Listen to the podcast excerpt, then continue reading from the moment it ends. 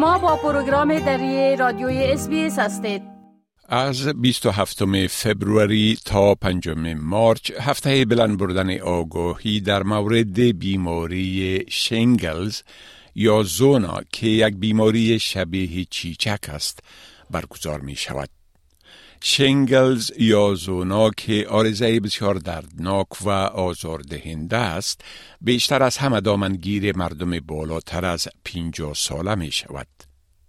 گفتم می شود که در حال حاضر از جمله نزدیک به 26 میلیون نفوس استرالیا تقریبا 9 میلیون تنشان بالاتر از 50 سال عمر دارند و همین علت است که متخصصین مراقبت های صحی به شمول قهرمان سابق المپیک دکتر یانا پیتمن در این هفته بلند بردن آگاهی در مورد شنگلز سهم می گیرند و کارزار را برای آگاهی مردم راه اندازی می کنند.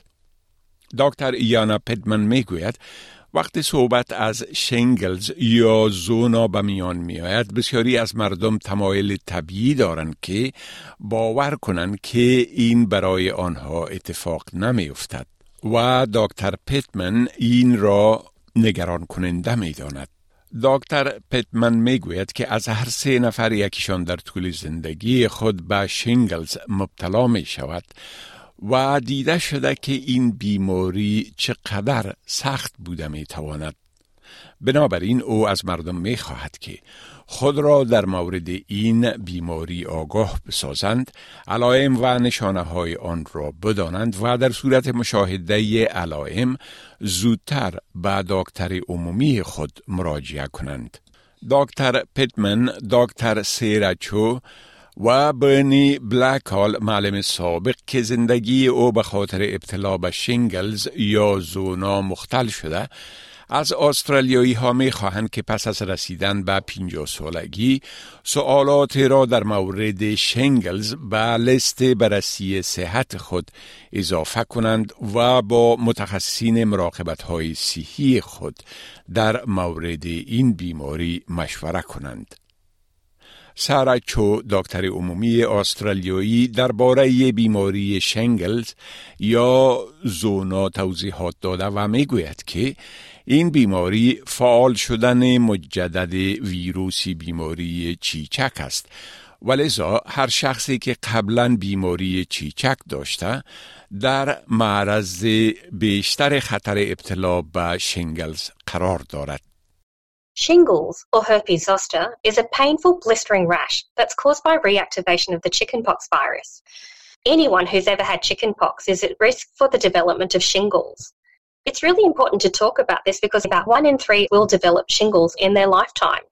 Now, although the shingles rash usually goes away by itself, in some people, rarely it can lead to this post shingles nerve pain that can last for quite a while.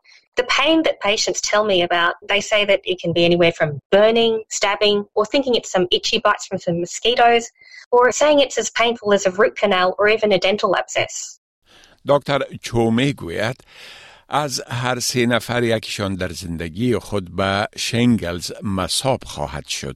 Anyone who's ever had chickenpox is at risk for developing shingles. About one in three will develop shingles in their lifetime. So this risk is really important to talk about because if it's not you, it might be someone you know or a friend of a friend or a colleague sitting on the next desk to you. دکتر چو توصیه می کند که همه مردم بالاتر از 50 سال در مورد شنگلز با دکتر خود صحبت کنند. It's important that Australians over 50 are educated on the impacts of shingles because the older we are, the more at risk we are of developing shingles. The other main risk factors are if we have medical conditions or medications that suppress our immune system.